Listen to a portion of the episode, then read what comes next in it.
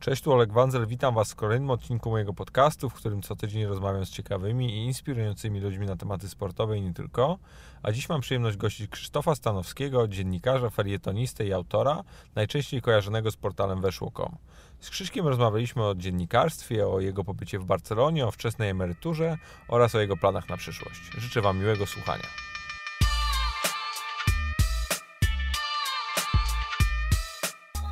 Cześć Krzysiu. Witam. Cieszę się, że wpadłeś. E, narzekałeś mi przez, przez Twittera, jak żeśmy się umawiali, że yy, dziwisz się, dlaczego w moim, w moim podcaście, do mojego podcastu zapraszam dziennikarzy i powiedziałeś, że mam, mam tego nie robić. Miałem Ci na początku w ogóle, to miał być najkrótszy Twój podcast, miałem przyjść powiedzieć, że to jest bez sensu rozmawiać z dziennikarzami sportowymi i wyjść, nie? E, bo, bo taka jest prawda, jest jakaś mania w Polsce rozmawia, rozmawiania z dziennikarzami. E, nie wiem z czego to wynika, ale jest więcej chyba wywiadów z dziennikarzami niż ze sportowcami. To jest, są jakieś odwrócone role totalnie.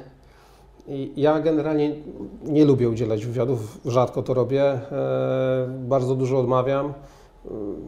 Nie chce mi się, wiem też, że wywiad to. E, nauczyłem się tego, że, że jak nie chce mi się, a udzielam wywiadu, to wychodzę tak sobie w tych wywiadach, że to jest jakiś wysiłek, który trzeba podjąć, trzeba zgrywać jakiegoś fajnego kolesia, którym się nie zawsze jest i nie, nie lubię tego po prostu. E, więc tak, chciałem Cię namówić, żebyś rozmawiał mniej z dziennikarzami, więcej ze sportowcami czy tam z innymi osobi osobistościami. E, potem uznałem, że wiesz, jak będę jedyny, który powie, że akurat do Ciebie nie przyjdzie, bo coś tam, to wyjdę na jakiegoś gościa z muchami w nosie, zwłaszcza, że E, zwłaszcza, że wiele osób mnie tak przedstawia. E, więc, więc dobra, jedźmy z tym, nagrywajmy, pytaj o co chcesz. znaczy, wiesz, ja to w ogóle na, na Ciebie patrzę, e, w sumie to z trzech albo nawet czterech, czterech stron, no bo śmiało dzisiaj no, w Twojej sytuacji można powiedzieć Krzysztof Stanowski dziennikarz, Krzysztof Stanowski biznesmen, Krzysztof Stanowski filantrop, bo tak według mnie już tak to, tak to się nazywa, jak, jak prowadzisz okay. działalność charytatywną. E, no i co? I Krzysztof Stanowski, ojciec, człowiek, mąż, no, you, you name it. No. W sumie ta ostatnia rola najważniejsza, reszta to. No właśnie, to i, też, i, też od, i też od tej chcę zacząć, bo y, ty jesteś emerytem już. A wyglądam na emeryta? No nie, ale wiesz, no teraz jest, jest bardzo, bardzo taki trendy temat y, wczesnych emerytur, ale nie jestem mini policji, wakacji wiesz? i tak dalej. Nie jestem ani policji, ani nie jestem górnikiem, więc nie, nie mam emerytury i też e, nie jestem emerytem, czy tak bardziej rentierem, tak? O to Ci chodzi? E, nie, nie jestem rentierem. Okej, okay, bo, bo, ty, bo Ty teraz mieszkasz w Warszawie, czy w Polsce gdzieś indziej, czy w Barcelonie? Jak to wygląda? W bo tym roku tego sytuacja jest dużo mitów. Tak, nie, no teraz mieszkam w Warszawie. W, w Barcelonie byłem dwa razy na zimę, tak? E, w zeszłym roku między listopadem a, a, a majem. E, natomiast w tym roku sprawy się trochę skomplikowały, bo mm, e, żona za dwa miesiące pewnie będzie rodzić, więc jakby e, to już nie jest czas na latanie. I to też nie jest czas na to, żeby, żeby siedzieć w Hiszpanii, no bo ona zdecydowanie chce urodzić w Polsce, więc w najbliższym czasie się do Hiszpanii na długo nie wybieram. To daj Boże takie problemy ogólnie, jak to jest problem. Ja, ja nie mam problemów, tak. Generalnie jestem człowiekiem, którego problemy jakieś znaczące omijają. No bo ja mam takie wrażenie czasami, jak albo czytam wypowiedzi na Twój temat, nie Twoje wypowiedzi, właśnie wypowiedzi na Twój temat, albo tweety, albo różnego rodzaju dyskusje, gdzie się pojawia nazwisko Stanowski, to ja mam takie wrażenie, że no, i sam zresztą to powiedziałeś, e, zanim zaczęliśmy, że no już o Tobie to chyba już wszystko powiedziano. No, wiesz, to strasznie dużo osób, e, strasznie wielu osobom wydaje się, że mnie znają. E, nawet jeśli w życiu nie zamieniliśmy ze sobą słowa, strasznie dużo czytam na swój temat e, jakichś opinii, które kompletnie nie mają e, uzasadnienia w, w, takiego faktycznego. Przynajmniej ja tak uważam. E, przyzwyczaiłem się do tego, że, że sporo osób uważa, e, uważa, że coś o mnie wie, albo uważa, jak, że wie, jakim jestem człowiekiem. Jakby nie, nie zwracam na to e, specjalnej uwagi. A tobie jest z tym ok, że no, bardzo wiele ludzi no, faktycznie mówi o tobie bardzo często nieprawdę no, w twoim mniemaniu, bo jedno to jest, że mówisz, że się tym nie przejmujesz, no, ale fakt jest po prostu taki, że no, tych informacji się pojawia od cholery.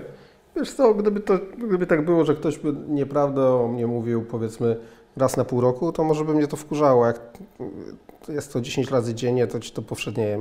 Mam to mam totalnie na to, wiesz co. No tak, oczywiście. Słuchaj, jak, jak, jak chcesz, to się Może nie... przeklinać, więc Może- mam wyjebane na to Tak, totalnie. bardzo, bardzo dobrze. Bo ja E, dużo przeklinam, wiesz, ni- niestety to jest, mój, to jest moja rzeczywista wada.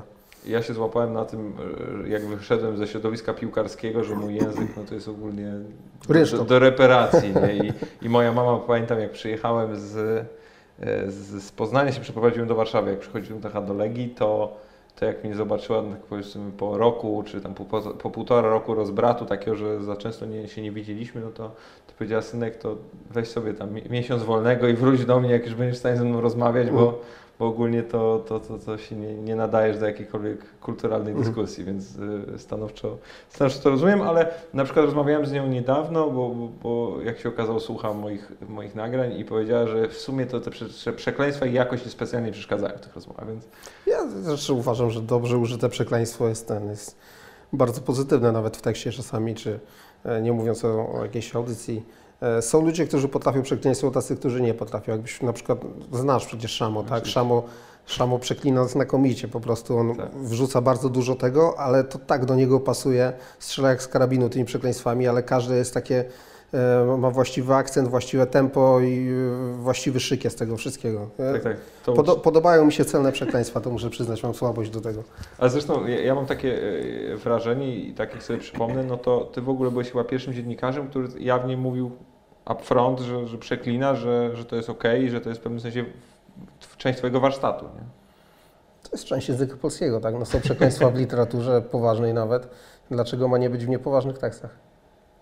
Mówisz, że twoje teksty są No, niepoważne? wielokrotnie bywały niepoważne, tak? No przecież e, nawet nie w sensie, że żartobliwe, tylko po prostu e, jakieś tam niepoważne, czyli też głupie i tak dalej. Przynajmniej napisałem z milion głupich tekstów, no to nie ma, nie ma dwóch zdań. Ja ci muszę powiedzieć, że w ogóle y, nie ukrywam, a właściwie to może nie, nie jest to, że nie ukrywam, po prostu mam coś takiego, że w ogóle twój pierwszy tekst przeczytałem kiedyś w jakimś logo albo w czymś takim. Y, Jakiś felieton logo albo tego typu gazet. Maxim? Możliwe. Tego, tego typu gazeta lifestyle'owa, Mhm. gdzie i pamiętam, że było to, był to tekst, y, felieton o, o kosmetyczkach Louis Vuitton.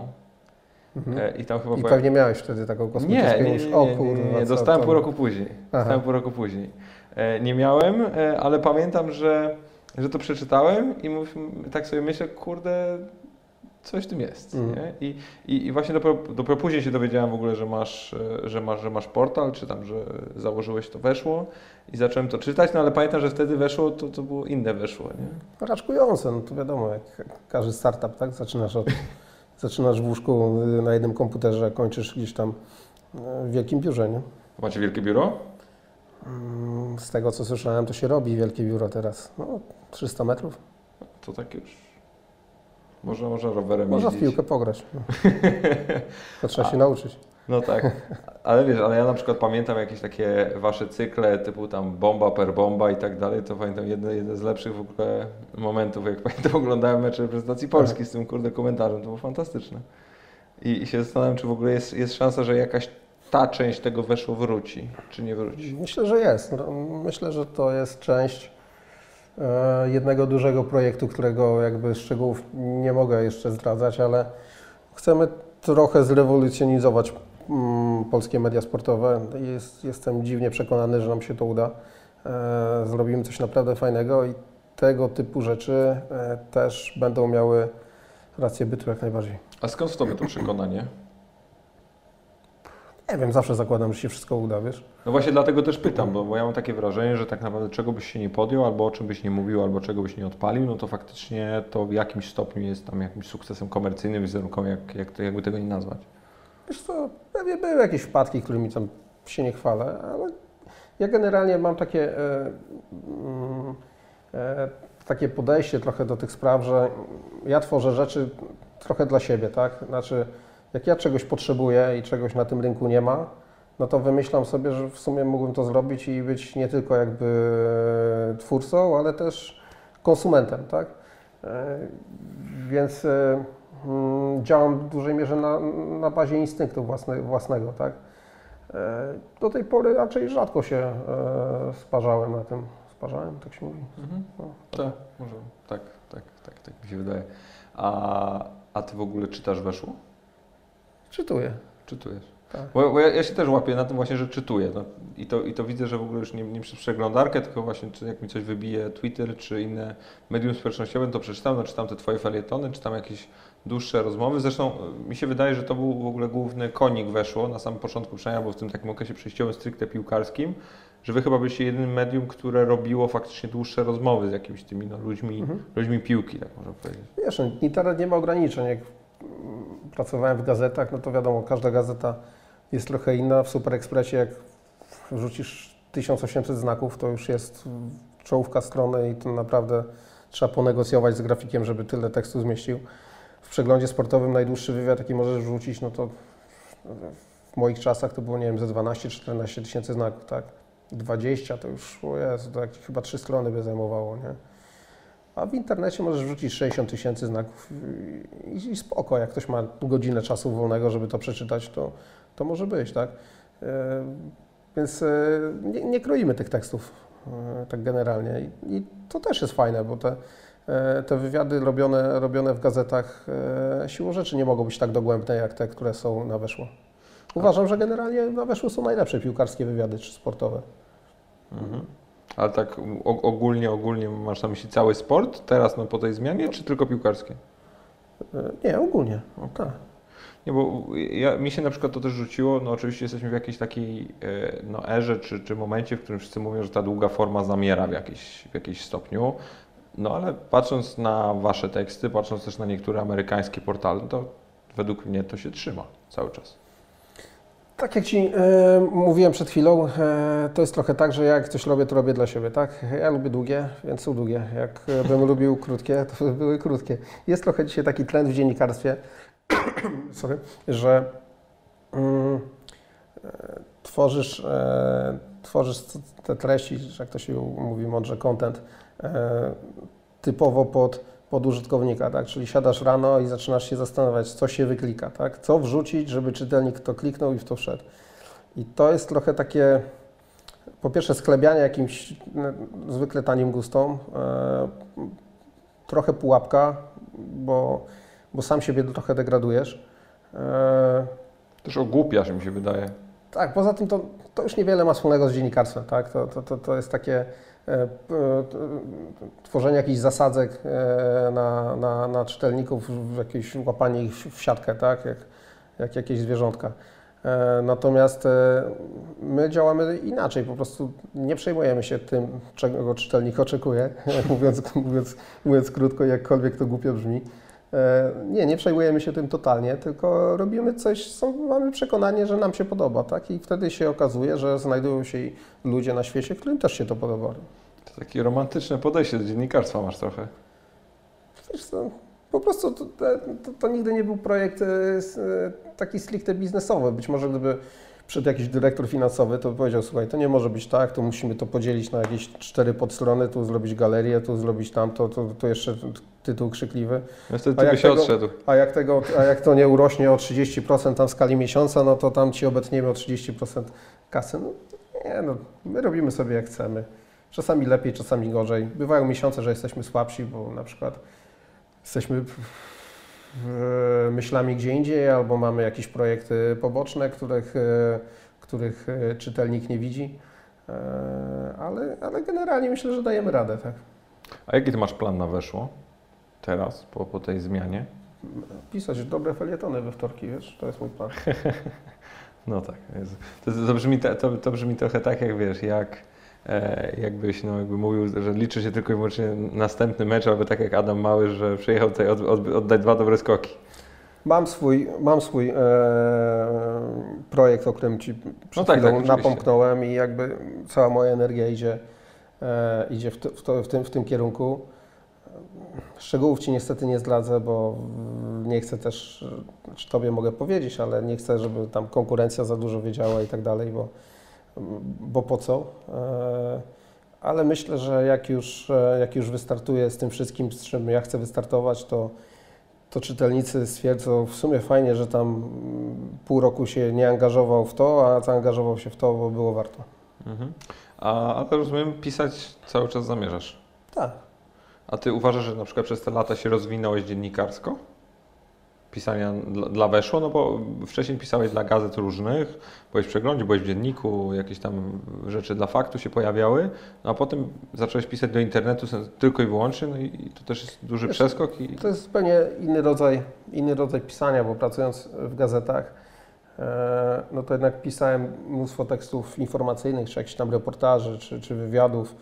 E, Dzisiaj robię to rzadko, dzisiaj wyrażam głównie swoją opinię na jakiś temat i mm, to nie jest prosta rzecz, tak? Bo Trzeba jest, mieć opinię. Trzeba mieć opinię i to, i, to, i to na dużo tematów. Czasami jest, jest problem z tą opinią, bo czasami sam nie wiesz do końca, jakie masz zdanie.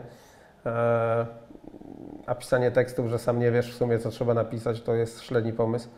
E, No. Czy się rozwinąłem? Wiesz co, na pewno zdobyłem taką jeszcze większą mm, bezczelność wynikającą z, z niezależności, tak? E, To jest fajna sprawa, że mogę pisać co sobie, co, co, sobie chcę i nikt mi nie powie, że e, czy za ostro, czy niesprawiedliwie, czy coś. Oczywiście bywa za ostro, bywa niesprawiedliwie, no ale to, to już tak, e, już takie ryzyko zawodowe.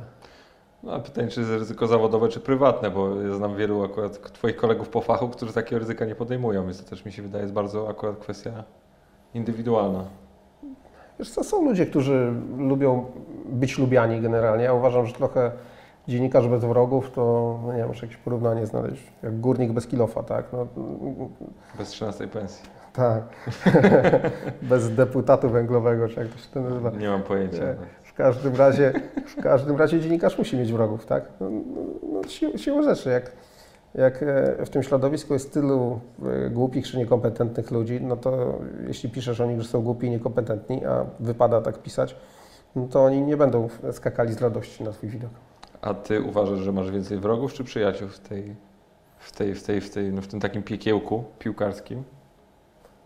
Wiesz co, pół na pół, może, może z przewagą przyjaciół.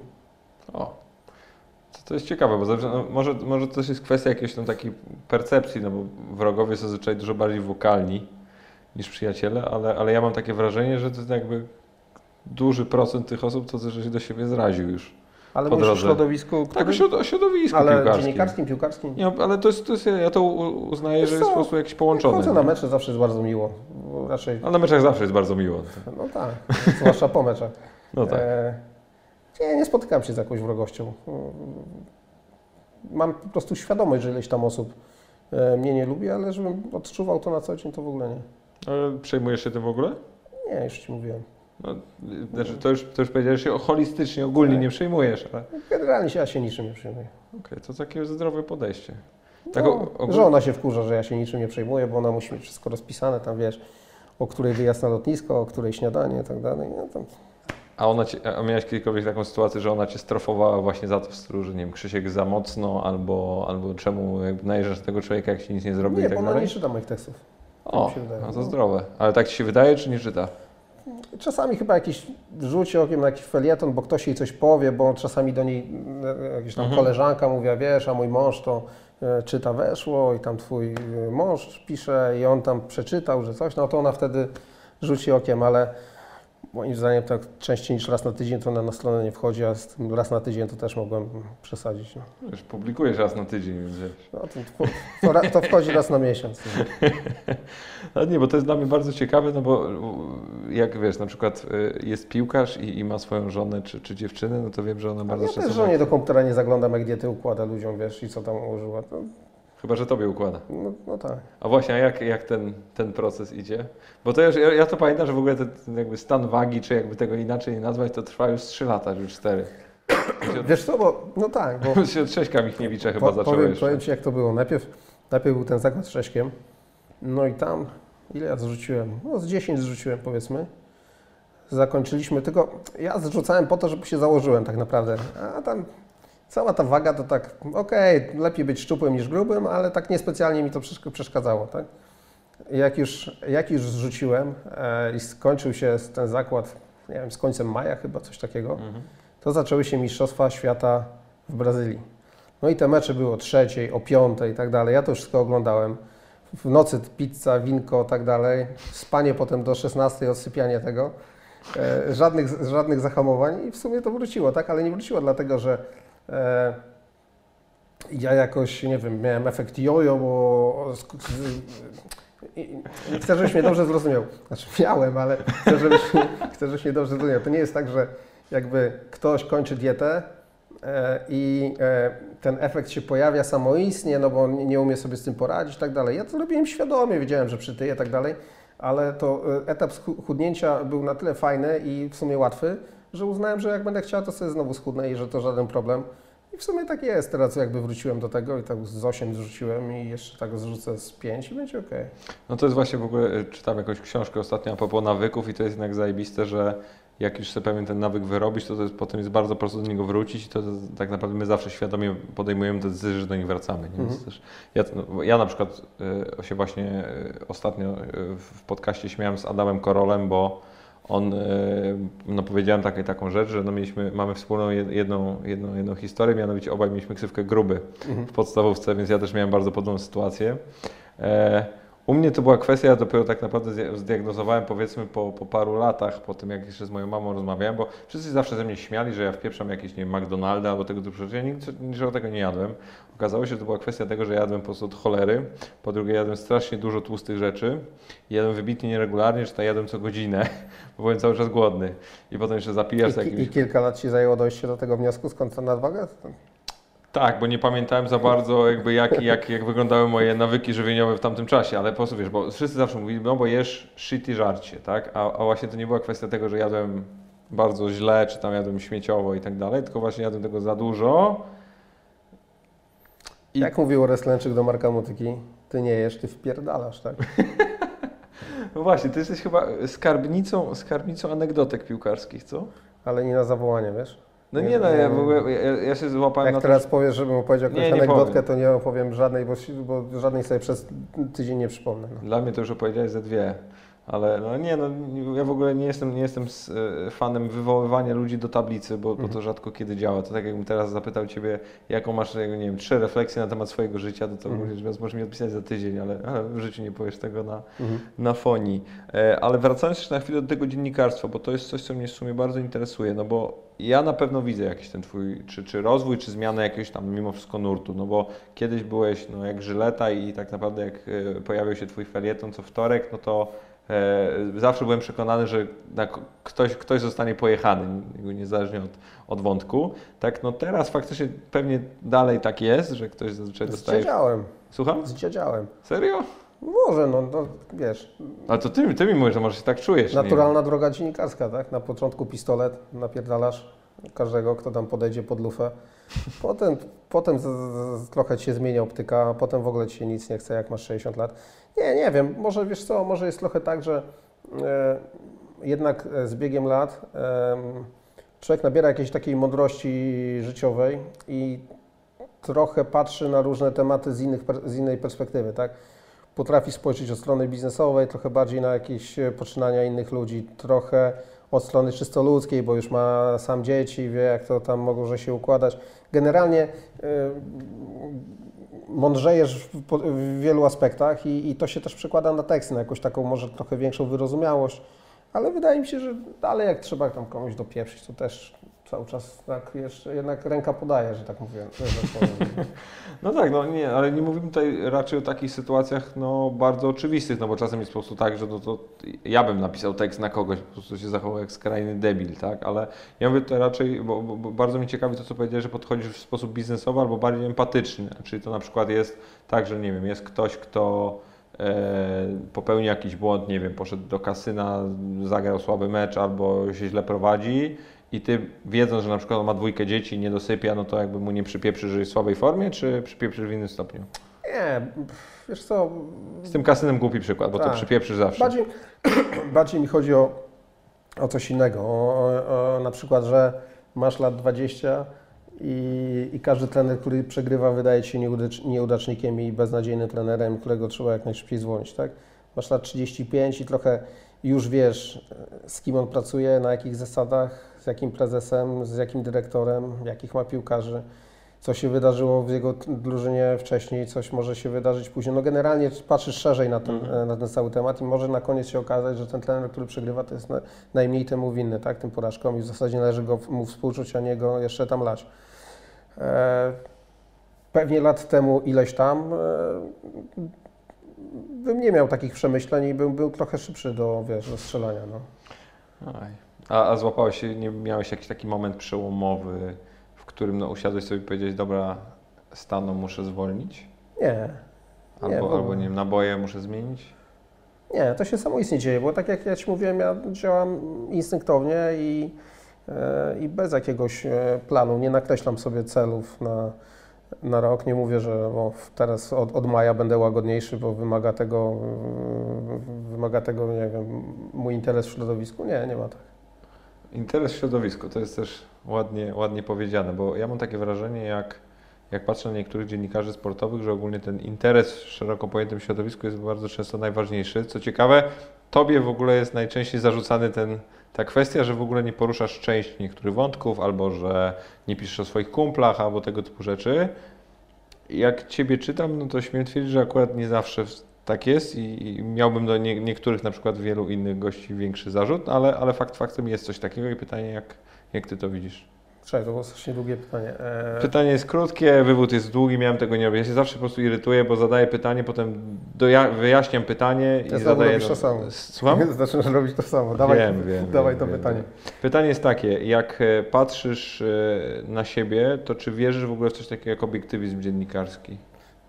Wiesz co, obiektywizm, pff, ścieżka... Albo rzetelność, okej, rzetelność, rzetelność, rzetelność to jest słowo. No, Rzetelność, rzetelność. Zawsze opinia jest subiektywna, No tak, ja, dokładnie. ja bazuję na opiniach.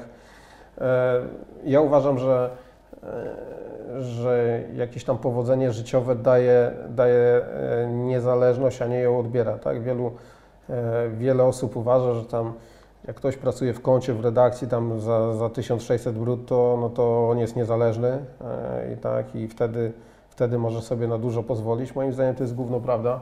E, Moim też. Jak... Moim, Nie, znam nikogo, kto zarabia 1600 brutto i siedzi w kącie i jest niezależny. Więc moim zdaniem niezależność, e, na, na niezależność trzeba sobie zapracować e, życiowo, tak? I moim zdaniem ja jestem mniej więcej na takim etapie, że jestem, że jestem niezależny, a to, że mam swoje sympatie i ludzie, którym kibicuję, oczywiście, że tak jest. To nigdy tego nie ukrywałem i w ogóle robienie mi z tego zarzutu jest o tyle głupie, że ja zawsze to wprost mówiłem, że, że, że mam, tak? I e, że e, jakieś relacje międzyludzkie e, są dla mnie ważniejsze niż e, satysfakcja czytelnika. Tak bym to No ujął. to już powiedziałeś, że to masz gdzieś akurat. Aha. Znaczy tak, jeśli czytelnik wymaga ode mnie, żebym mm, tam pojechał ze swoim przyjacielem, no to ja niestety tego nie zrobię, tak? Po prostu, znaczy nie, No, niestety. stety. nie? No niestety, nie zrobię tego, bo, bo nie mam ochoty, no po prostu. Ja, mam, ja miałem bardzo podobną, znaczy Ale na tym też polega No. niezależność, że e, ty podejmujesz tę decyzję. nie robisz tego też, co ci, e, od, c- czego żądają od ciebie twoi czytelnicy, tak? Ja dokładnie tak samo uważam, bo ja na przykład miałem ostatnio taką sytuację, że e, nie pamiętam już z kim to był podcast, y, chyba z chyba z, z Patrykiem Mirosławskim albo jeden wcześniej i, i na przykład mi mówili, że mogłem go tutaj bardziej przycisnąć albo mogłem o, o coś tam zapytać, a tak sobie myślę po prostu czasem, że tak okej, no ale po co? W sensie, no mogę zapytać? Mo, mogłem zapytać, pewnie mógłbym. No tylko pytanie po pierwsze, czy otrzymał odpowiedź satysfakcjonującą, po drugie, czy to w jakimkolwiek stopniu wzbogaciłoby by tę rozmowę. I na przykład celowo w ogóle nie, nie poruszałem na przykład Twojego wątku w jakichś tam no, otwartych pytaniach, nie, nie mam taką grupę, gdzie czasem pytam ludzi. To tego nie zrobiłem, no bo wiem, że byłoby x pytań, nie wiem, o, o stan futbolu, to znaczy akurat o to Cię zapytam, e, o stan futbolu, o Zbigniewa Bońka, o, e, o, o Twoje związki bukmacherskie, o ustawę hazardową, no jest jakby multum rzeczy, no ale nie jestem idiotą i wiem, zapytam Cię o każdą z tych rzeczy, śmiało, ale w, wtedy to faktycznie możesz przyjść i powiedzieć, wiesz co, nie gadam z, nie, nie gadam z dziennikarzami i wyjdziesz, nie? Po, po co mi to? Tak mi się przynajmniej wydaje. Wiesz co? Nie, no wyjść nie wyjdę. No. Nalałeś wodę, miło się siedzi. Wiesz.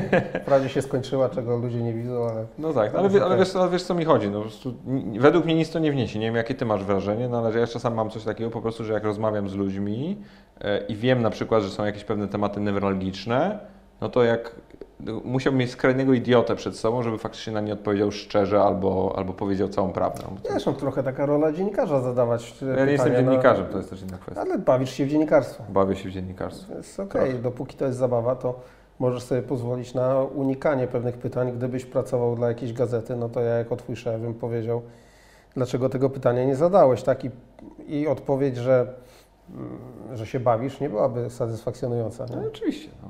Ale dlatego bardzo... Generalnie wiesz, jest taka zasada, że jak przynajmniej robisz wywiad prasowy i masz jakieś takie pytanie mega kontrowersyjne i wiesz, że zepsuje to pytanie, jak padnie, to zepsuje Twoją relację z rozmówcą, ale musisz je zadać, no bo musisz je usłyszeć, bo po prostu robisz cały wywiad, a na końcu mówisz, a przypomniało mi się jeszcze, ale muszę zadać to pytanie. Oczywiście. A to, że sobie je umieścisz na początku tekstu, to już inna sprawa, tak?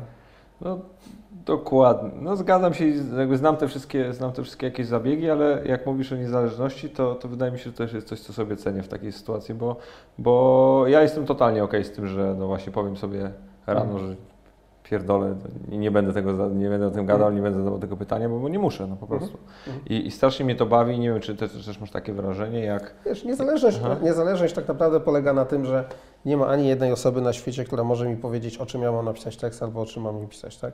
Lu- ludzie wiedzą, e, ci, z którymi się lubię w tym środowisku, e, że to nie działa po prostu. No. Że, że mogą mi zasugerować na przykład, że patrz, tam jest fajny temat. Ja mogę pomyśleć sobie, o faktycznie jest to fajny temat, tak? ale mogę sobie też pomyśleć, jest to temat zupełnie niefajny i w ogóle nie chce mi się tego i napisać robić, o tak? tym, że ktoś poddał ci niefajny temat. A, miałeś, a, miałeś, a masz, masz często takie sytuacje, że ktoś ci coś podrzuca?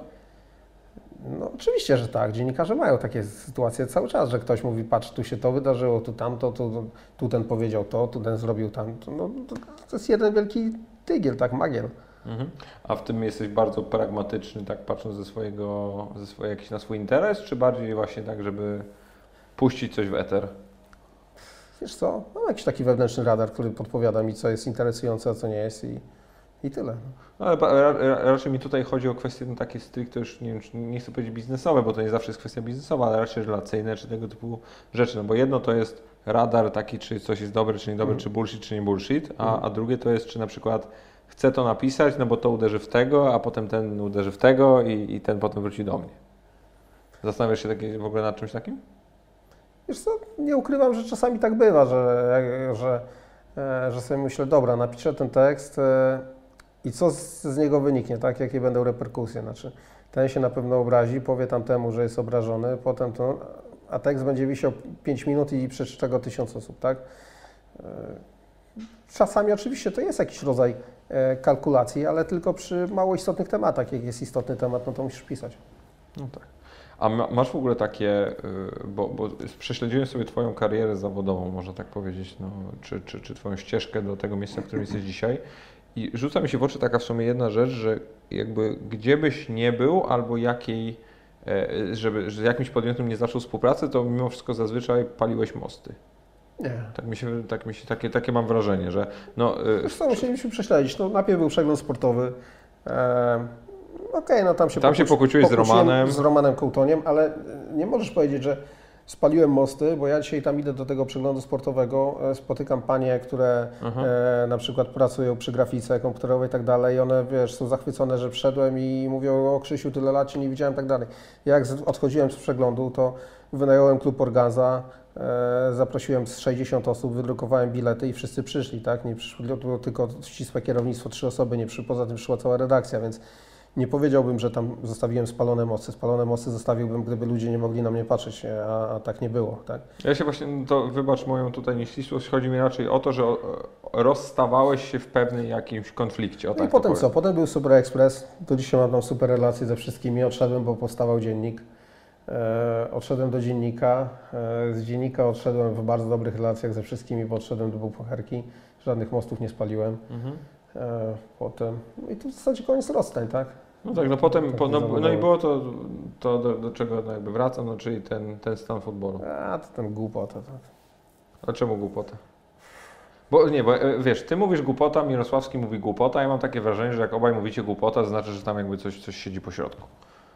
Bo jak się interesuje tym kilkadziesiąt tysięcy ludzi, wszyscy się pytają, czy to wróci, czy nie Trochę mi wróci. się no- nie chce rozmawiać na temat tej osoby, bo uważam ją za kompletnie niepoważną. Jakby dodawanie jej ważności poprzez rozmawianie o niej jest e, słabym pomysłem. No to o programie pogadajmy. E, Bo to mnie akurat na przykład bardzo interesuje, bo, bo nie ukrywam, że e, no to może być jakby, No. jakby dla Ciebie jakiś tam argument. E, No ale fakt, fakt był taki, że tak jak Eleven nie mam, to na przykład jak był stan futbolu w sobotę, no to kupiłem tę trzydniową subskrypcję, żeby ten stan obejrzeć, nie? No, Trzydniową? No tak mam, tę weekendową, nie? Piątek, piątek Aha, jest taka. to nie 72 wiedziałem. godziny, tak, tak, tak, tak. Ja W sensie wiem, Ja myślałem, że Ciebie stać na pakiety pełne. Nie mam tu dekodera, nic takiego. Aha. Nie, ja nie oglądam tyle piłki, wiesz? Ja, ja, mam, ja mam wykupiony League Pass w NBA. Ostatnio się wkręciłem w NFL, więc to też sobie kupiłem. E, A, a Eleven wykupuję tylko wtedy, kiedy chcę coś Okej. obejrzeć. Okej. A u, a u rodziców mam Kanal Plus, więc jak, jak e, się kiedyś z, z ojcem umawiam na, na Ligę Polską czy Ligę Angielską, żeby obejrzeć, to oglądam. A, a jak są mecze Legii na wyjeździe, to oglądam na mieście. Mhm. Okej. Optymalizacja kosztowa to się No nazywa. tak, no, no gratuluję Ci. Ja to, nawet, gdy, gdybym ja potrafił być taki oszczędny, to uhu, może byłbym rentierem, jak to powiedziałeś. Słuchaj, dla mnie jesteś w pewnym sensie. Mówisz, że jesteś niezależny, więc zakładam, że to też zakłada nie, niezależność finansową. E, dobra, pytałeś o co? O stan futbolu. Wrócę E, do tego, o stan futbolu. Co ty sądzisz o tym programie i czy uważasz, że on spełnił swoją rolę i czy wróci? Uważam, że to był zajebisty program. To po pierwsze. I mówię to bez żadnej. E, znaczy, ja nie lubię takiej fałszywej skromności. O, nie, mogę, nie będę się wypowiadał, niech inni oceniają i tak dalej. To takie bzdury, tak? Nie lubię fałszywej skromności. Wiem, w czym jestem dobry, w czym nie. W telewizji generalnie nie jestem jakoś e, za dobry, natomiast ten program był zajebisty, moim zdaniem. E, tak jak kiedyś napisałem, jak już jakby on e, spadł z anteny, e, nikt albo prawie nikt, albo osoby, które mogę policzyć na palcach jednej ręki, byłyby w stanie przyciągać takich gości w sobotę do programu na żywo w sobotę rano. Tak? To jest strasznie trudne, zapełnić ten stół, zapełnić pięciu gości i żeby to był prezes PZPN dzień po wyborach w PZPN, tak? żeby to był e, prezes Legii dzień po kłótni w Legii. Tak? E, A tydzień później współwłaściciel. żeby to był szef komisji licencyjnej w trakcie, gdy ruchowi yy, ma być odebrana licencja, tak? Więc jakby było to ogromne wyzwanie, żeby tych ludzi ściągnąć w sobotę o 11, e, gdy wiele osób jeździ na mecze, wiele osób wyjeżdża z Warszawy, wiele osób po piątku jest jeszcze pijanych i tak dalej, e, co generalnie było widać czasami na antenie, e, chociaż akurat może nie, nie u gości, tylko u bardziej lu- ludzi, którzy byli na stałe. E, Więc było to organizacyjnie duże wyzwanie i uważam, że mu sprostałem bardzo dobrze. I że mm, był to program, w którym mm, ja specjalnie się wycofywałem. E, Chciałem tylko być jakimś tam moderatorem dyskusji i te dyskusje były naprawdę fajne i, e, i e, dość niespotykane dzisiaj w, w naszej telewizji. Na pewno był to jakiś taki no, kontrprogram, czy do Cafe Football, czy do Ligi Na pewno stan futbolu wróci, tak? Ja, gdybym chciał go robić cały czas, to bym go robił, bo mm, i, były oferty po prostu na, na, na od razu, żeby przeskoczyć gdzie indziej, ale my się rozstaliśmy, nie pamiętam w jakim miesiącu, w, w lutym, coś takiego, czy w marcu. Ja jeszcze wtedy byłem w Hiszpanii, bo ja dolatywałem e, na te programy z Hiszpanii. E, trochę mi się nie chciało rozpoczynać tego programu gdzie indziej, jak jeszcze byłem w Hiszpanii. A nie Tam- wcześniej to się skończyło? Może, już nie pamiętam. Nie, bo ja, ja, ja to akurat pamiętam, tak patrzę na to przez pryzmat tego właśnie konfliktu właścicielskiego w Legii, no bo on się tam gdzieś zaczął wrzesień, październik. No i był, był Boguś u Ciebie, potem Darek Mioduski i potem były chyba jeszcze dwa odcinki i się skończył. No być może, To ale było nie, być- na pewno to jeszcze trwało, To przy, no, przeszło na w nowy 17 rok. to było jeszcze? 100%, 100%. Okej, Bo, to bo pamiętam, że nagrywaliśmy i sylwestrowy odcinek, Okej. gdzie przy jednym stole usiadło e, trzech trenerów ligowych e, uznanych. To też się nie zdarza, tak? Że ściągasz na odcinek sylwestrowy e, Jacka Magierę, Czesława Michniewicza, Marcieja Bartoszka e, i tyle chyba, tak? Trzech ich było. No. Mhm. E, więc robiliśmy dobre rzeczy, tak uważam. E, widzowie, uważam, doceniali ten program. E, rynek też, ponieważ te oferty od razu się pojawiły e, z kilku miejsc. Mi się nie chciało tego e, ciągnąć w momencie, gdy byłem w Hiszpanii. Już mówię, dobra, zostały mi tu dwa miesiące, to już nie będę latał co tydzień i tak dalej. Tylko zostanę tu, jak wrócę, to się zastanowię, co z tym zrobić. Wróciłem, był maj, mówię, dobra, teraz zaraz będą wakacje, to nie jest dobry moment, żeby to, e, żeby to odpalać. E, e, A teraz wrócę, wrócimy do tego, tylko chcemy to zrobić jak już weszliśmy na poziom, e, poziom e, technologiczny dość wysoki i jakość obrazu i dźwięku, to nie chcemy znowu wracać do podziemia, że tak powiem, więc chcę zrobić to naprawdę dobrze i jak już to będzie zrobione na tip-top, to wtedy, wtedy znowu będzie. To, to właśnie ta kwestia jest dla mnie na przykład zajebiście ciekawa, bo ja od, od, od samego początku tak naprawdę, kiedy zacząłem ten stan futbolu oglądać, to nie opuszcza mnie myśl i, i czekałem na ten odcinek, żeby zadać to pytanie, dlaczego to robiłeś w wersji wideo? Bo, bo fakt jest taki, że no, tam masz gadające głowy, na które more or less, no, możesz popatrzeć, czy kogoś Ponieważ obchodzi na to, czy... treściach audio nie zarobisz. Na, na No to treściach bo- wideo okej. możesz zarobić, na treściach audio nie zarobisz, więc robienie... e, Zgadzam się. Robienie, e, e, przynajmniej nie zarobisz na treściach audio, gdy to jest pojedyncza audycja, tak? E, jakaś tam wrzucana. No po prostu jest to strasznie trudno sprzedać się na rynku. A jak... E, zresztą, co ja Ci będę tłumaczył, Ty jesteś przecież od tych abstrahujów, tak? Szefem teraz, więc e, szefem Rady Nadzorczej, więc... Nie, do- Bogu się szefem rad nadzorczej, tam w zarządzie jestem. w zarządzie jesteś. Chłopaki No, sami sobie szefują, sobie świetnie radzą. Okej, no w każdym razie wiesz dobrze, że e, rynek Tak, YouTube'owy jest, jest duży. Właśnie E, zastanawiam się, czy to była kwestia pragmatyczna, biznesowa, czy, czy, czy Ja może to nie nie pójdziesz wiara w reklamodawcy i nie powiesz, wiesz co, wspomnę o Tobie w audycji, nie? Jak, a, Nie, jak powiesz, oczywiście. a jak powiesz, że pokażesz go, no to już jest trochę inaczej. Pamiętaj, że każdy, e, jak sam produkujesz taki program, to to naprawdę są spore pieniądze. No, ja właśnie wiem, dlatego pytam, no bo na przykład ja widzę, ile mnie potencjalnie kosztuje wyprodukowanie podcastu, no i wiem, że produkcja podcastu versus produkcja wideo, nawet jak też już próbowałem, to jest diametralnie różna, no a produkcja podcastu versus produkcja live do telewizji, no to już jest nieba ziemia, nie? I, Mhm. i się zastanawiam tak naprawdę, czy, e, czy, czy gra jest warta świeczki. Ale jak, no ja rozumiem, rozumiem kwestię biznesową, no bo dla mnie to jest, to jest po prostu perfekcyjny format podcastowy, na przykład stan futbolu. Mhm.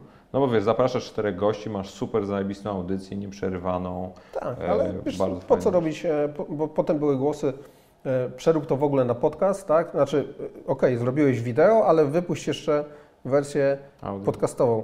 E, ale to mi trochę rujnuje jakby biznes, tak? No bo ci Trochę ludzie, bardzo. którzy są zainteresowani, e, to i tak to wysłuchają, ale jednak klikną na YouTubie, wiesz, będzie ten, to jedno wyświetlenie więcej. Jak, jak zacznę tworzyć e, wersję audio, e, no to gdzieś mi się to, te liczby rozmyją, pójdą w dwóch kierunkach, nie? Ja bym wtedy nie oglądał. No właśnie. No A nie, tak no. byłeś zmuszony. Tak. No. Tak. No nie, no ja, ja, tak jak mówię, zastanawiałem się, czy to był stricte tylko wyłącznie pragmatyzm biznesowy, czy było coś jeszcze. No widzę, że nie było nic jeszcze. E, chwilę dygresji. E, Skąd w ogóle ta Hiszpania się wzięła? Jest ładnie tam, dobrze w piłkę grają, No, ciepło. Dobra, no to jest co najmniej jeszcze 30 miejsc na świecie, że tak jest. No. Dobry, e, dobra komunikacja z Hiszpanią. Nie, Ale że mówię- językowa, czy że... Mówię, nie, mówię Ci o takich rzeczach, wiesz, które są jednak istotne, bo można się wyprowadzić na Dominikanę, Mhm. mieć koszty Tam nie życia masz dobrej piłki. pięć razy mniejsze, no dobra, ale nie masz też połączenia z Polską, tak? Nie masz codziennego samolotu, że za trzy godziny jesteś w Warszawie, jeśli jest to potrzebne. Mhm. E, nie możesz e, znajomych zaprosić, że oni wpadną do Ciebie, wiesz, bo po trzech godzinach będą i sobie za trzy dni wrócą do siebie, tak? E, poza tym co innego jest zwiedzać miasta, a co innego jest w nich mieszkać. Ja uważam, że Barcelona jest w Europie najlepszym miastem do mieszkania. Jest po prostu nie za duża, nie za mała, ma świetny, komfort, ma świetny transport e, publiczny, ma zajebistą pogodę, ma super piłkę. Jakby miks tego wszystkiego jest, e, jest do pozazdroszczenia. I, i, no i tyle, to, to, to nie ma drugiego dna jakiegoś. Pod względem takim, tak jak mówisz, y, lifestyle'owym, to chyba tylko Londyn mógłby się równać, Nie, no, ale, Londyn ale, pogoda, pogodą, ale pogoda jest dramat. Nie, Nie, no. Londyn i- zapchany w ogóle, gdzie, nie porównuj w ogóle tego. Ja, ja, ja, ja Londyn uwielbiam, tylko też mówię, jestem świadomy jego limitacji. Nie, no, gdzie w Barcelonie nie mieszkałem nigdy. Tu Londynu to nawet jak miałbym lecieć na dwa dni, to bym dostał wysypki. No. Aż tak? Tak, Czyli ty jesteś raczej ten, co późno wstaje, tak, tak. wychodzi w dresie, łapie bułki i dopiero o 13 zaczyna dzień, tak? Dokładnie. No czyli w sumie, czyli w sumie praca dziennikarza to jak, jak znalazł. To nigdy nie narzekałem.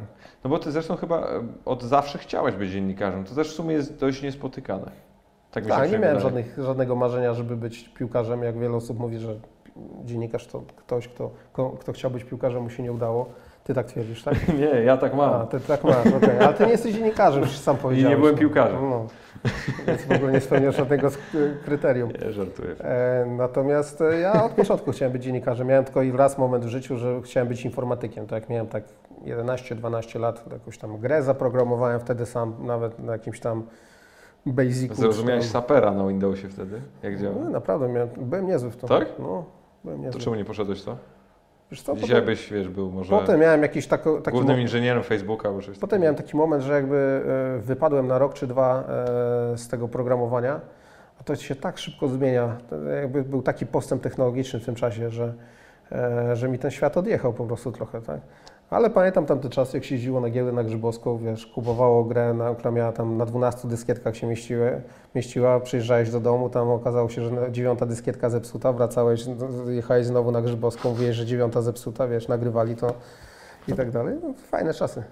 No, ależ e, ja, ja ostatnio w ogóle się spotkałem Parę tak, dużych film tam wyrosło na tej Grzybowskiej, no bo te CD, CD Projekt tak, Tak, wziął się z tamtego, 10 z miliardów złotych, waluacja taka konkret, konkret podmiot.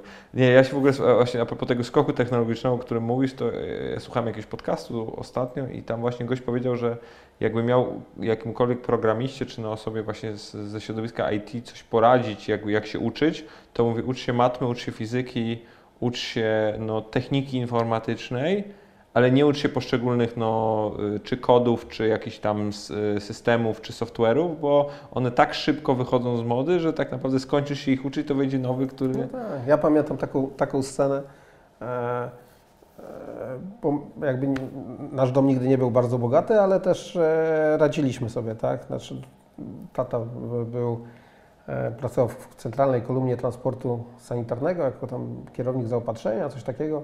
Kokosów z tego nie było, ale e, pamiętam, że w szkole był jakiś kurs nauki programowania. Ja tam miałem właśnie 10-11 lat, pewnie coś takiego. Poszedłem, mieliśmy Atari, e, Mhm. Atari ST chyba, coś takiego. No to jeszcze na kasety na początku było, że wiesz, dwie godziny Montezuma się ładowała i nagle po godzinie 50 tam error wyskakiwał. Nie? Więc wstawało się rano na przykład o 6, załączało się Montezumę i szło się spać. Nie? Dalej. E, Ty nie pamiętasz tych czasów, ale tak Jak było. nie pamiętam? No, nie Dziad- pamiętam. Dziadek mi, dziadek, mi- słuchaj, tak. dziadek mi, po pierwsze nie jesteś aż tak stary, po drugie Ja mam 35, ty ile masz? 22. No to gdzie? No, gdzie o czym Odejmij. Proszę, ja, ja miałem Atari i potem A miałem... ty to miałeś PlayStation, jak się urodziłeś. Nie, miałem Przestań. później. Przestań. Miałem później, nie jak się... No nie, nie, przecież mówię Ci, wiem kurde co miałem. Miałem VHS-a, a mój kurde dziadek miał, miał, miał, miał jakby sprzęt Atari i potem miał Super Nintendo. Dobra, dokończę ci tą. Poszedłem na ten kurs programowania, miałem Atari. Co to w ogóle kurwa za argument? Miałeś blu- Blu-ray jak w kołysce byłeś. Słuchaj, poszedłem, poszedłem na ten e, kurs programowania, a tam programowanie było na ZX Spectrum. Aha. I tak się za przeproszeniem wkurwiłem, wróciłem do tego domu zapłakany i mówię do taty, że na tym naszym słabym komputerze nie da się programować, że to nie ma takich kursów i tak dalej. I mój tata wtedy, wtedy się przejął, jakoś się zapożyczył i za tydzień kupił mi, pamiętam, IBM 386 DX40. To w ogóle był najbardziej wypasiony komputer w okolicy, bo zobaczył, że ja tak chcę iść w tą stronę programowania i uznał, że to jest ważne, żeby, tak, żeby taką inwestycję, wiesz, podjąć, jakby zainwestować we własne dziecko. Nie wiem, ja miałem Blu-raya w kołysce. No tak, dlatego ty, te, ty nie zrozumiesz nigdy takich rzeczy. Nie, ale to, jest- to super historia, bo ja w ogóle zresztą dość, dość podobna, no może nie, nie podobna, ale, ale nawiązująca do, do historii, jaką Bill Gates miał w pewnym sensie. Bo to był gość tak naprawdę się nauczył programowania i, i w ogóle no, były to podwaliny pod, pod Microsoft, y, tylko i wyłącznie ze względu na to, że akurat wtedy w jego mieścińce w Stanach był jeden z niewielu komputerów o takiej wydajności i on ze względu na to, że wykonał jakieś tam prace społeczne na rzecz tej uczelni czy tej firmy, Mhm. miał pełny dostęp do tego pokoju, tak naprawdę on tam siedział po, w dzień pracował, potem o 18 wszyscy wychodzili, on na pierwszy ja miałem, tak, ja miałem fioła takiego na tym punkcie, bo pamiętam, ja jestem generalnie strasznym bałaganiarzem, nie? Czy jak przyjdę do domu i zdejmę buty, to one zostaną w tym miejscu do momentu, aż je znowu założę. E, e, albo żona się wkurzy i je zaniesie gdzieś dalej, nie? Skarpetki, rozrzucanie koszulek, gdzie popadnie, wiesz, tak dalej. Kompletny dramat pod tym względem, nie? I nikt nie był w stanie mnie e, nauczyć, aż była e, jakiejś takiej e, porządności, aż zdarzyła się jedna sytuacja, wyjechałem na obóz informatyczny. To aż głupio brzmi, ale polegało to na tym, że pojechaliśmy na, nad jezioro, e, bo ja miałem w ogóle prywatnego nauczyciela informatyki, chodziłem do niego dwa razy w tygodniu i tak dalej. On mnie uczył, to, to Jak była, będzie 11 lat, tak? wtedy już może 12, może 13, no Okej. ale tak, to już było, Aha. byłem w to mega zaangażowany. E, I on org- zorganizował taki e, e, obóz informatyczny, generalnie jezioro, gra w piłkę i tak dalej, a poza tym godzina czy dwie godziny dziennie lekcji, e, nauki. Plus dwie godziny dziennie możliwości korzystania z komputera dla tego, kto będzie miał największy porządek w pokoju. I ty sobie nie wyobrażasz, do jakiego stanu mogłem doprowadzić ten pokój. To było po prostu jak po remoncie. To była żadnego krucha byś tam nie znalazł malutkiego przez cały dzień. Tylko coś się pojawił włosek, to ja już go wynosiłem, wiesz. Jak zobaczyli to ci, bo oczywiście przez 14 dni 14 razy wygrałem ten konkurs i miałem dostęp do tego komputera. Ci ludzie, którzy organizowali ten obóz, nie byli w stanie uwierzyć w ogóle w to, co widzą. I mówili do mojej mamy, że no, dziecka, które tak sprząta, to oni nigdy w życiu nie widzieli. A moja mama mówi, ale ja jestem od, Oddajcie Stanows- od Stanowskiego, nie? Przecież to pom- pomyłka jakaś, nie? A Oni, no właśnie, wiesz, mówimy o Stanowskim, więc nie była w stanie uwierzyć w to, co tam się wydarzyło. E, No ale oczywiście potem już wróciłem do starych nawyków. Właśnie się zastanawiałem, czy, czy w jakimkolwiek stopniu Ciebie to zmieniło, albo czy ona użyła tego jako lewaru Nie, negocjacyjnego, nie, nie. żeby potem Cię jakoś Nie, nie. stymulować. Ja jestem zadaniowcem, wiesz, jak mam coś takiego do, do, zrobienia, do zrobienia i mam jakąś taką motywację na końcu, to, to zrobię. A to co sprawiło, że nie, nie szedłeś dalej w to kodowanie? Wiesz co, tak jak mówię, złapałem e, zajawkę piłkarską przez moment. E, potem umarł mój tata. E, jakby to gdzieś dużo wydarzeń równocześnie było i w sumie nie pamiętam dobrze, dlaczego tak to, tak to się rozeszło. Jak potem próbowałem jeszcze znowu coś, coś robić, to okazywało się, że już tak naprawdę nic nie umiem, tak? Bo to, że, te Windowsy powstały coraz to lepsze, a jeszcze jak zaczynałem, to był Norton Commander taki, wiesz, e, program do obsługi. To fajnie, jak ty tak potwierdzasz. Nie, Tak, przytakuję tak, tak. tylko, uczę się.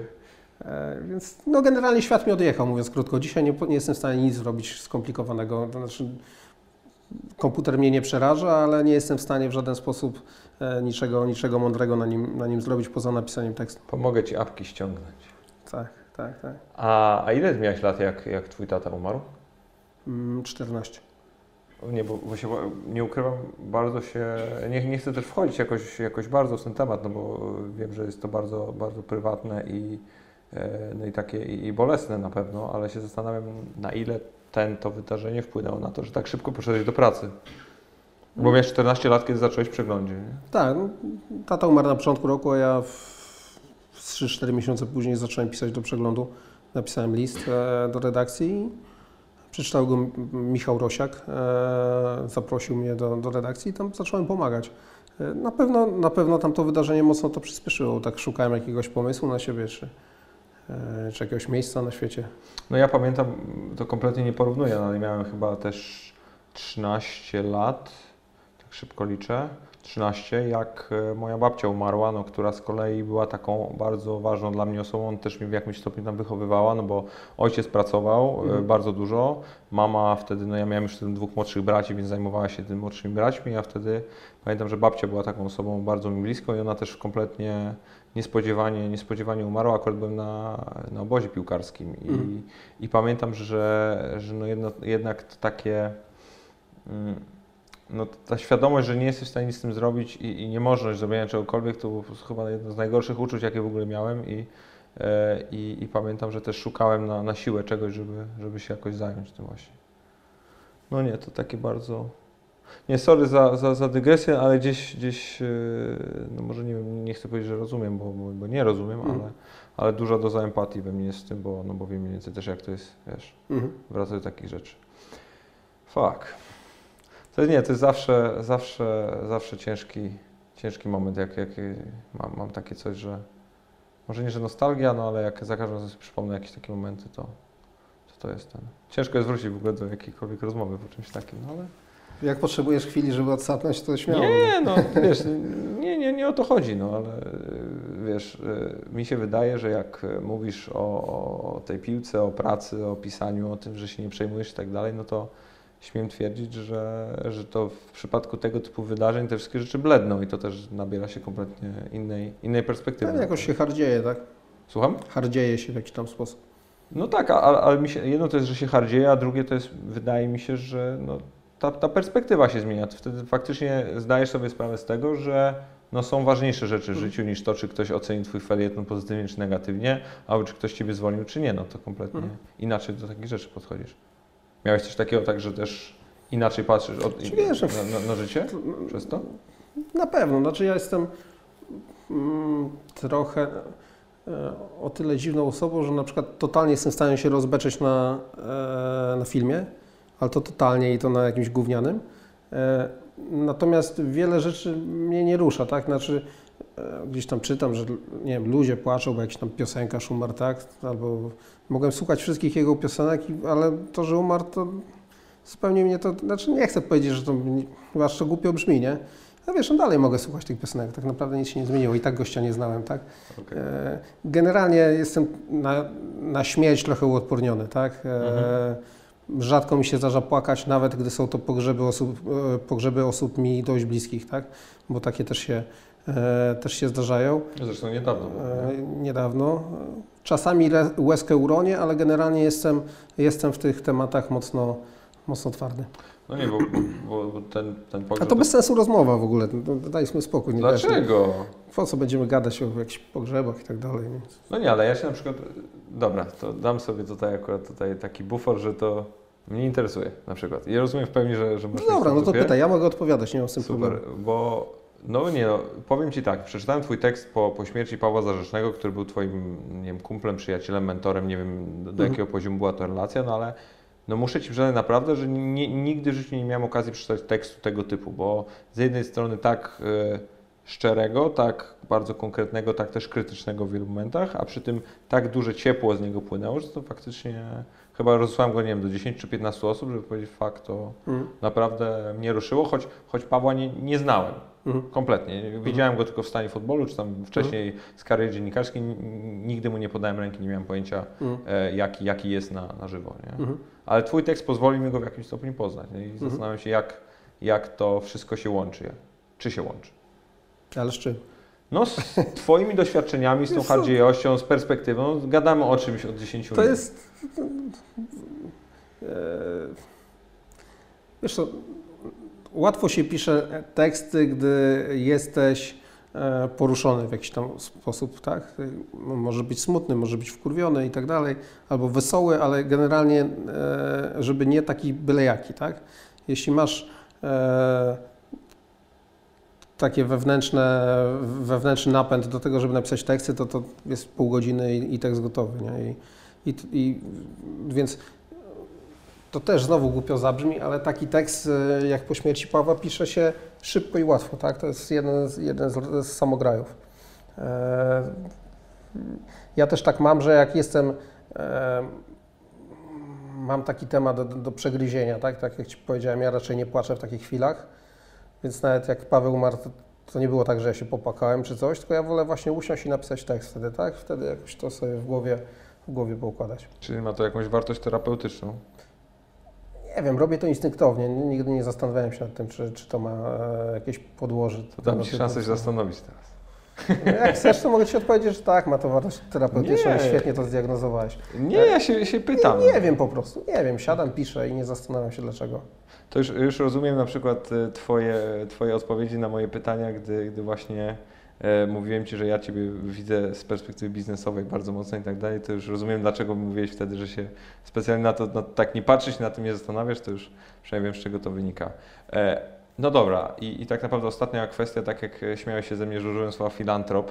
Mhm. E, skąd to? To przez to, że miałeś jakiegoś nie moralniaka związanego ze swoją pracą i chciałeś Jakiego społeczności moralniaka? oddać? Jakiego Nie, ja pytam. być moralniaka, co coś złego robię? Nie wiem. No to ja Ci mówię, że nie. E, nie, to, to Skąd, skąd ten pomysł? Znowu totalny przypadek e, i instynkt, tak? E, narodziło się to e, spontanicznie.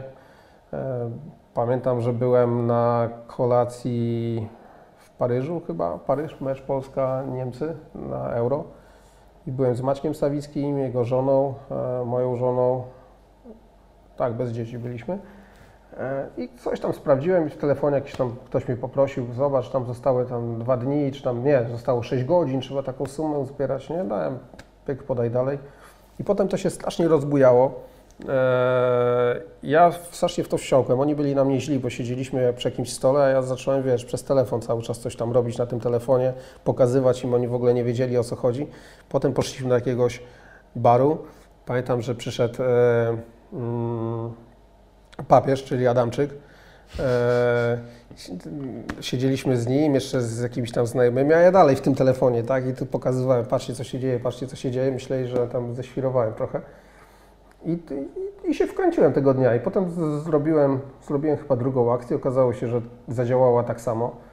I pomyślałem, że już mam te zasięgi jakieś w internecie, bo mówmy się, że cały ten Twitter to jakieś tam sztuczne liczby, wiesz, e, które tak naprawdę nie mają wielkiego znaczenia i e, jest to częściej utrapienie niż jakiś pożytek z tego, tak, bo tracisz czas na, na rozmowy e, z ludźmi, z którymi nie ma sensu rozmawiać, kosztem, bo ich nie znasz po prostu. Nie chcę, żeby to zabrzmiało arogancko, ale no, większy sens jest rozmawiać z ludźmi, których znasz na co dzień, niż z tymi, których nie znasz, no, tak generalnie, nie? Zgadzam się. No, więc, a, a, tu, a, tu się, a tu się zaczynają odwracać proporcje, więc cały ten Twitter bywa, e, bywa utrapieniem. E, natomiast okazało się, że można te, te, te liczby, te zasięgi zagospodarować w jakiś fajny sposób i raz na miesiąc komuś e, pomóc. No i to pomogłeś wielu, wielu ludziom na To nie ja pomogłem, no pomogli ci, którzy wpłacali, tak, ja też czas- czasami wpłacam, ale, ale też nie lubię o, o tym temacie tak rozmawiać mm, w tym sensie, że nie lubię się kreować na jakiegoś, e, wiesz, nowego Jurka Owsiaka.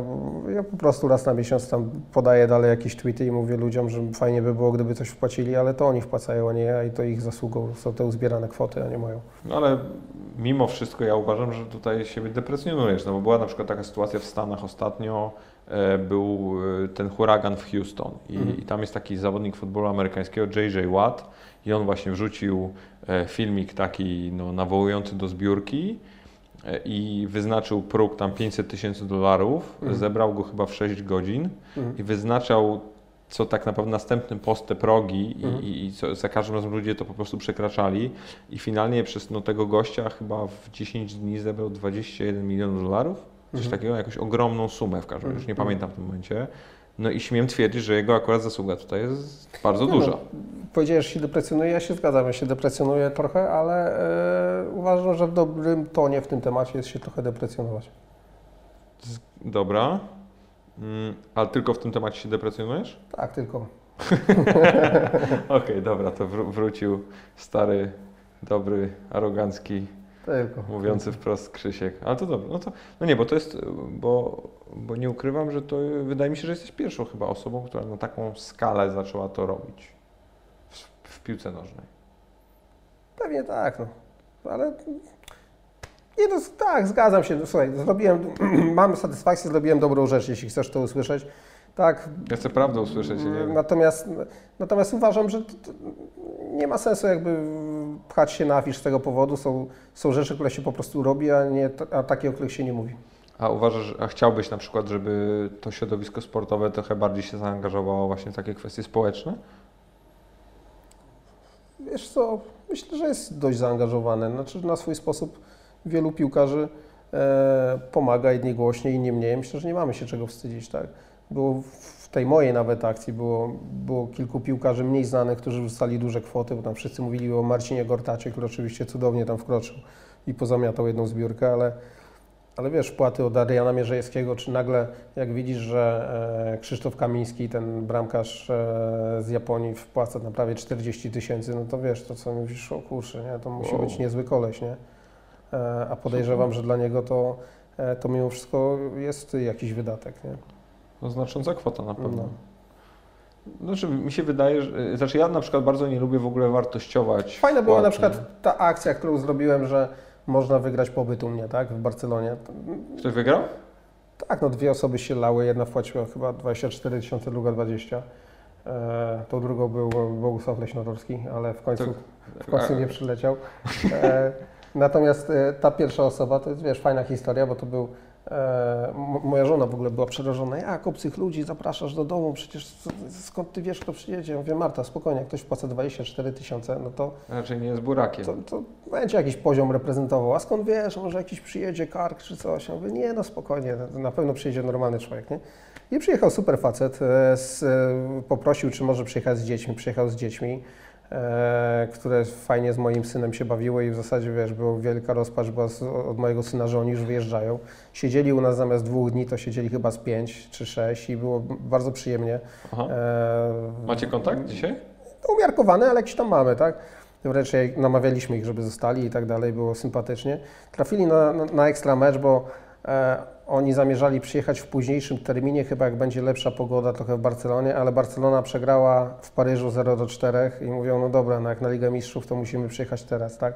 No i przyjechali na Na ten rewanż 6-1? na 6 do 1, więc wiesz, lepiej nie mogli, e, nie mogli trafić i Nie mogli. E, I, I generalnie był jeden wielki happy end, bo wpłacili dużo pieniędzy, to w ogóle e, super człowiek, bo ja sobie wyobrażałem, że jak przyjedzie ktoś, kto płacił 24, to będzie bardzo, bardzo zamożny. Tak? Oczywiście to był zamożny człowiek, ale mówi, że po prostu raz w roku e, przekazuje tego rodzaju sumę, która jest dla niego dość duża, e, na cele, na cele charytatywne. I Jak ma taką zasadę i uznał, że jak tu może to połączyć z wycieczką na mecz za granicą, nigdy nie był za granicą na meczu, to e, to, to zrobi. Nie? Więc Super. naprawdę fajny facet z żywca. E, poz- Pozdrawiam Cię Włodek, jeśli słuchasz i ten. E, no i mam nadzieję, że jeszcze, że jeszcze kiedyś tego rodzaju wyjazd, e, wyjazd nam się powtórzy. A jaki jest najlepszy okres, żeby do Barcelony polecieć na mecz? Tak już prywatnie pytam. Bo nigdy nie byłem i, i tak się wybieram od 3 czy 4 lat, a, a tak sobie myślę, że to w sumie nie, nie, nie ma lepszej zasada- osoby, żeby zapytać. Pierwsza zasada jest taka, że musi być Messi niekontuzjowany, mm, więc jakby to jest wiesz, klucz do, do całej Dobra. wyprawy. Nie no, październik jest spoko, e, bo jest ciągle bardzo ciepło, a już nie ma tak dużo turystów. Są mecze Ligi Mistrzów i ligowe, które można połączyć w jeden wyjazd. Ja parę dni temu wróciłem z Barcelony, bo akurat byłem na meczu z Olympiakosem i z Malagą. E, więc październik jest ok. Każdy okres jest dobry, wiesz, jest tak piękne miasto i e, z tak fajnym klimatem, że trzeba mieć dużego pecha, żeby tam się władować na słaby mecz, nie? No tak. Pamiętam jeden najgorszy, to też byliśmy dużą grupą, mecz... E, o, to Ci powiem, żeby odpuścić, no, jak jest ostatnia kolejka Ligi Mistrzów, to odpuszczaj, bo zawsze oni już mają tam 15 punktów, wtedy no, na 18 im nie zależy i grają jakieś rezerwy. Raz się tak pamiętam, władowaliśmy mecz z Benficą 0 do 0 w grudniu, grały rezerwy, piździło tak no, w czasie tego meczu, że w ogóle nie szło wytrzymać. Messi wszedł na boisko w 60 chyba minucie, a w 70 go zawieźli karetką do szpitala, w ogóle cały stadion tam zamarł i tak dalej, no więc ten, więc wszystko poszło nie tak.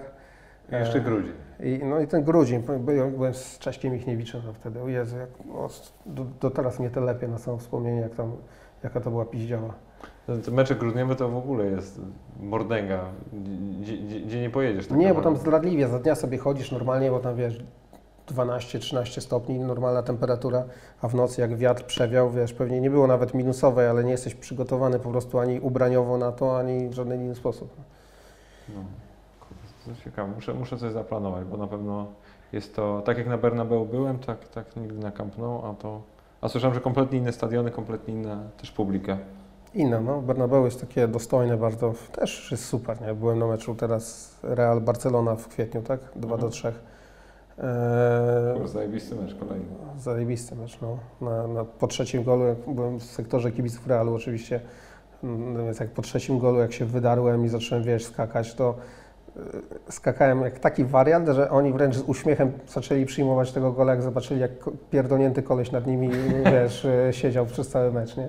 A ty, nie. a ty do jakiego poziomu ty w ogóle jesteś kibicem tej Barcelony? Bo ja się zastanawiam, czy to jest wykreowane, czy ty faktycznie Nie, jesteś fak- popierdolony Jestem tym punkcie. popierdolony totalnie.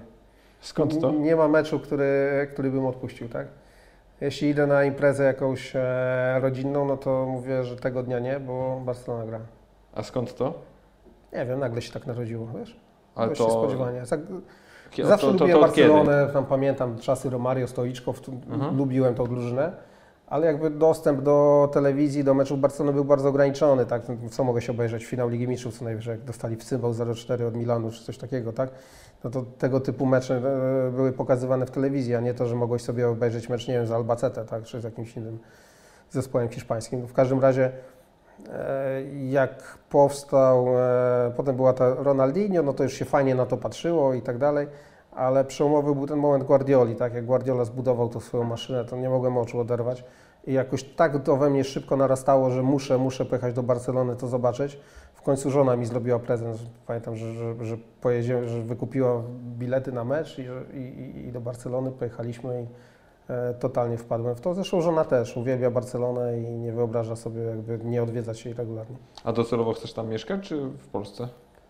Fajnie by było, rozważam to, ale też e, jest kwestia dzieci, tak? No, e, pytanie, czy tam miałyby iść, miałyby iść do szkoły. Trochę słyszę, trochę dużo negatywnych opinii słyszę na temat edukacji w Hiszpanii.